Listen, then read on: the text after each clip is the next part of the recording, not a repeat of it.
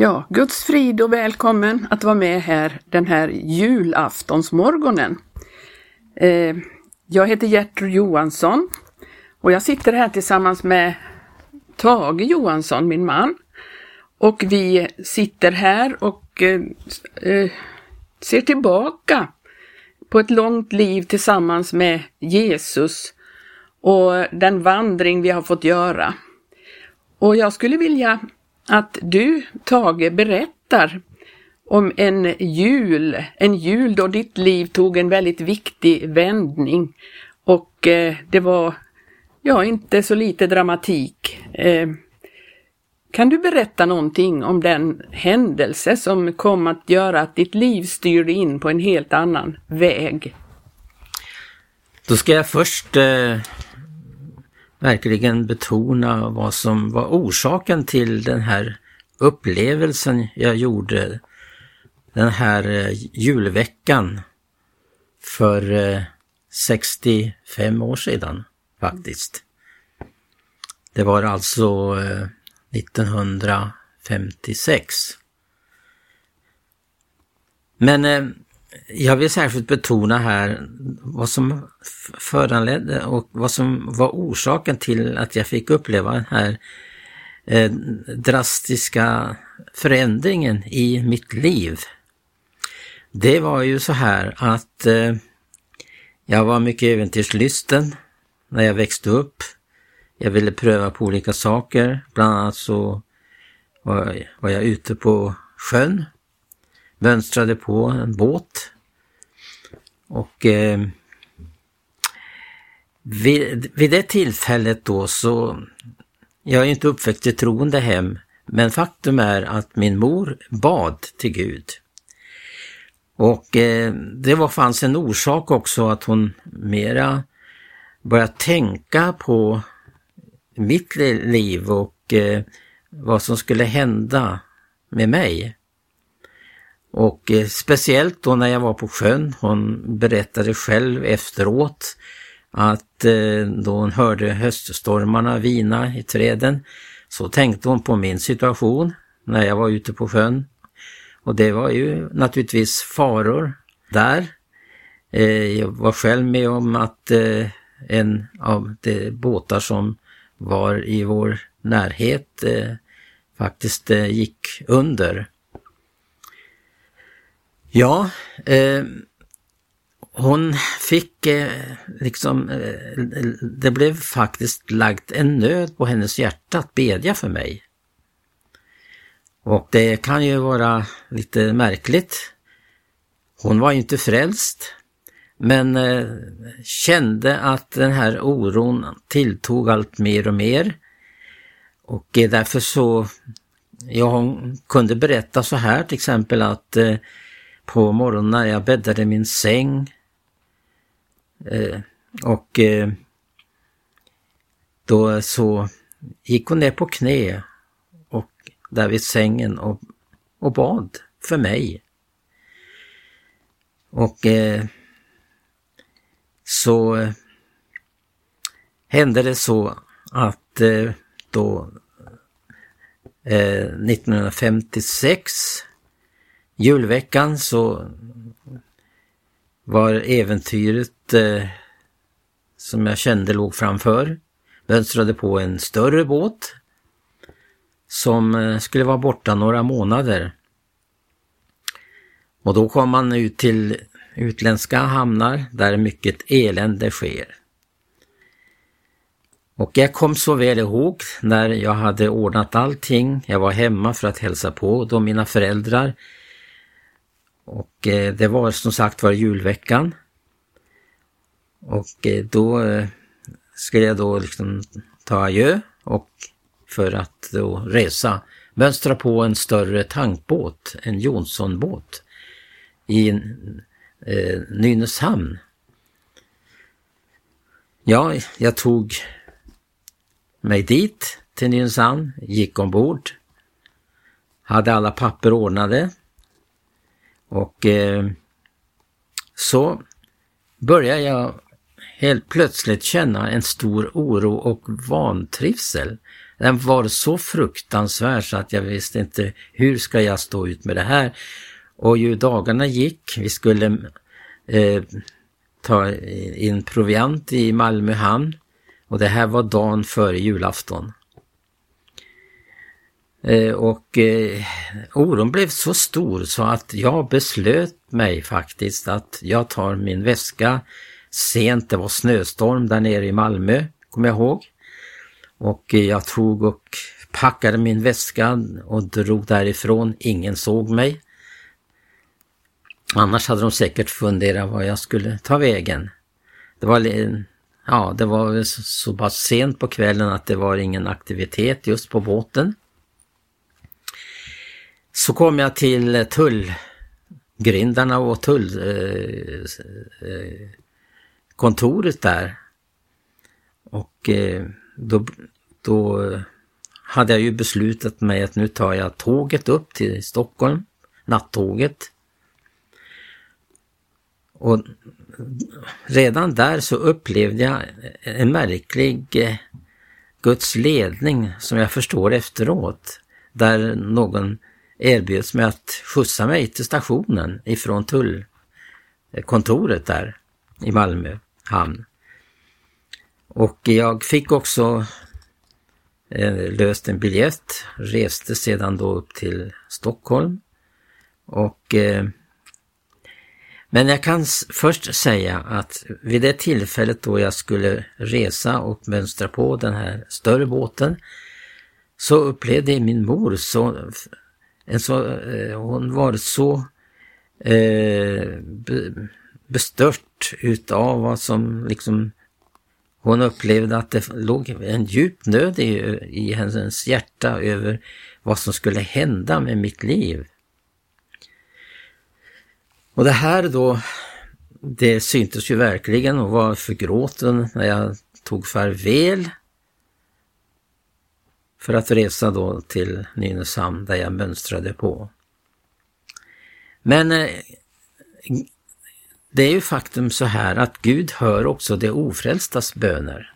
När det beds uppriktigt och mycket eh, märkligt är just detta att den här nöden hon upplevde, den hade Gud lagt på hennes hjärta för att på ett innerligt sätt bedja för mig.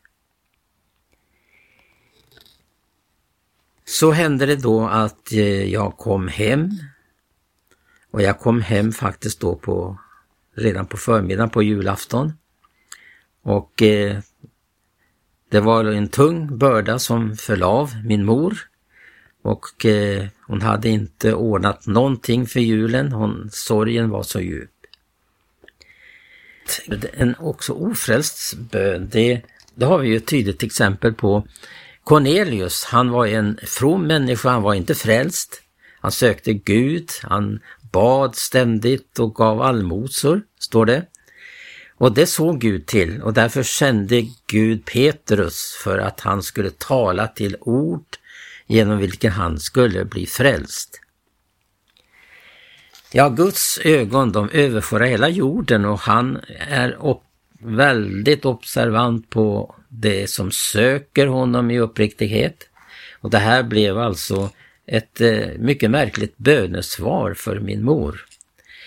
För därefter så började hända saker och ting. Jag kom att... Eh, Men du måste berätta också om eh, hur Gud ledde varenda steg i denna resa, för det är ganska intressant. Du kom till tullhuset och där blev det, fick du skjuts till tåget. Ja, och eh, när jag kom också upp till eh, Stockholms central så fanns det ingen möjlighet att få ta sig.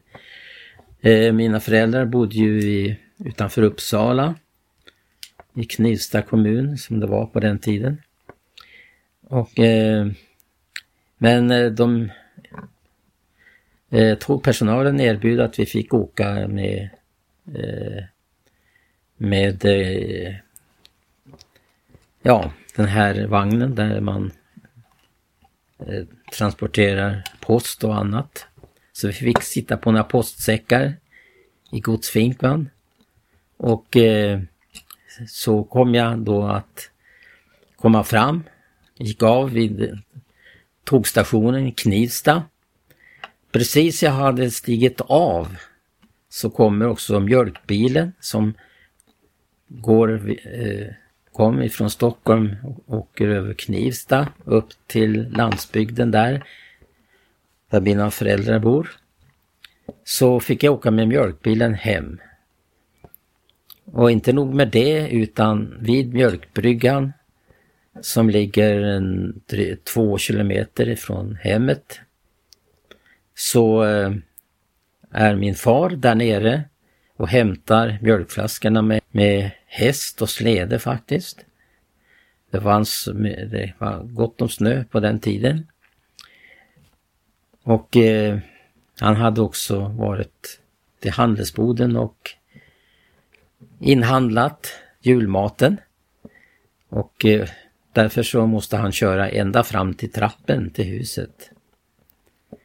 För det handlar ju om en bondgård och eh, han körde alltså fram för att lasta av provianteringen. Så jag fick åka ifrån eh, tullkontoret och ända hem till trappen på ett mycket märkligt sätt.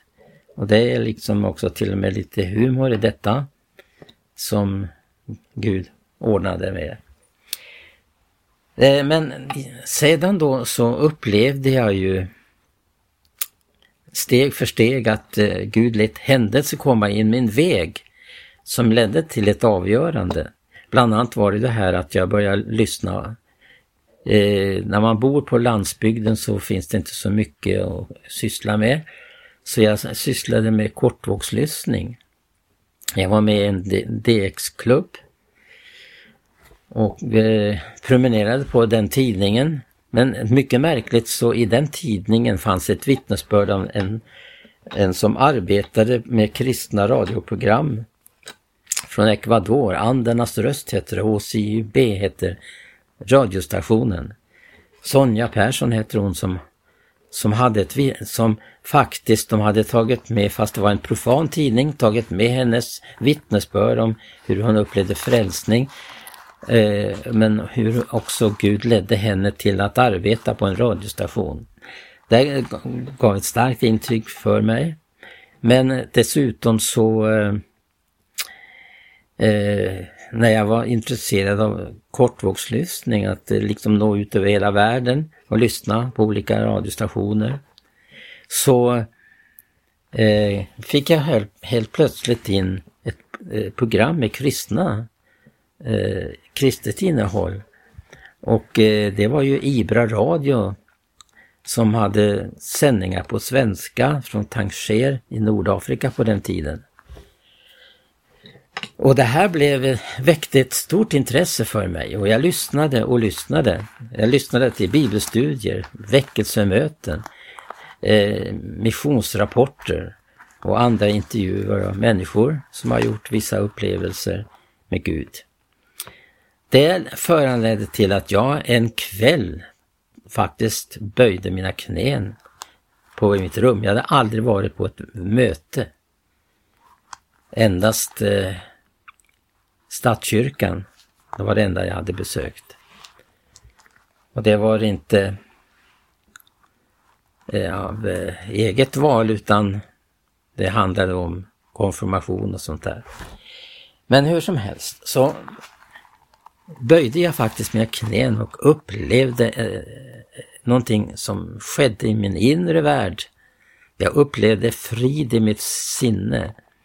Jag upplevde att rökbegäret togs bort i den här upplevelsen. Jag hade inget behov av att röka längre. Och eh, sen ledde Gud också steg för steg att jag eh, sedan fick komma med en församling och bli döpt. Det var pingstförsamlingen i Uppsala. Eh, och det var 1958 blev jag döpt där och kom sedan direkt på en bibelskola för att så småningom också började som evangelist i, i pingstsammanhangen. Ja, det, det är oerhört stort och man kan aldrig eh, egentligen till grund och botten förstå betydelsen av en sån här upplevelse. Det kommer man att förstå en gång i evigheten. Att få uppleva att ta emot Jesus Kristus som sin personliga frälsare. Att han la om rodret. Det är så viktigt att det blir rätt kurs för människan här i tiden att få leva sitt liv för Gud. Att inte kasta bort sitt tillfälle, sitt liv till oväsentliga ting utan verkligen få uppleva att Gud till, till och med har en plan för var och en. Och därtill måste man då naturligtvis uppleva detta med pånyttfödelsens under i sitt liv, att bli född på nytt, att bli ett Guds barn. Det finns många som har en felaktig uppfattning. Det räcker om jag gör så gott jag kan så kan inte Gud kräva något mer. Utan det handlar om att bli en ny skapelse. När jag tänker på det här upplevelsen som jag fick vara med om så eh, går mina tankar till eh, Jesaja kapitel 9. Det är ju så välkänt, speciellt i den här tiden då vi eh, påminner varandra om hur Jesus föddes. Även om inte han föddes den här tiden på året så minns vi och eh, det här är väldigt levande då för den som har upplevt frälsning, vad det att eh, Gud sände sin son. Hur Jesaja beskriver det här om den kommande fridsfursten som det står i, i, i, i rubrik på kapitel 9 i 1917 års översättning. Hur ett barn var det oss fött, en son blir oss given och på hans skuldror skall herradömet vila och hans namn ska vara underbar i råd, väldig Gud, evig fader, fridförste. I det kapitlet så eh, talas det om ting som Gud låter ske i och med att Jesus kom. Och allting grundar sig i det att ett barn varder oss fött och är oss given.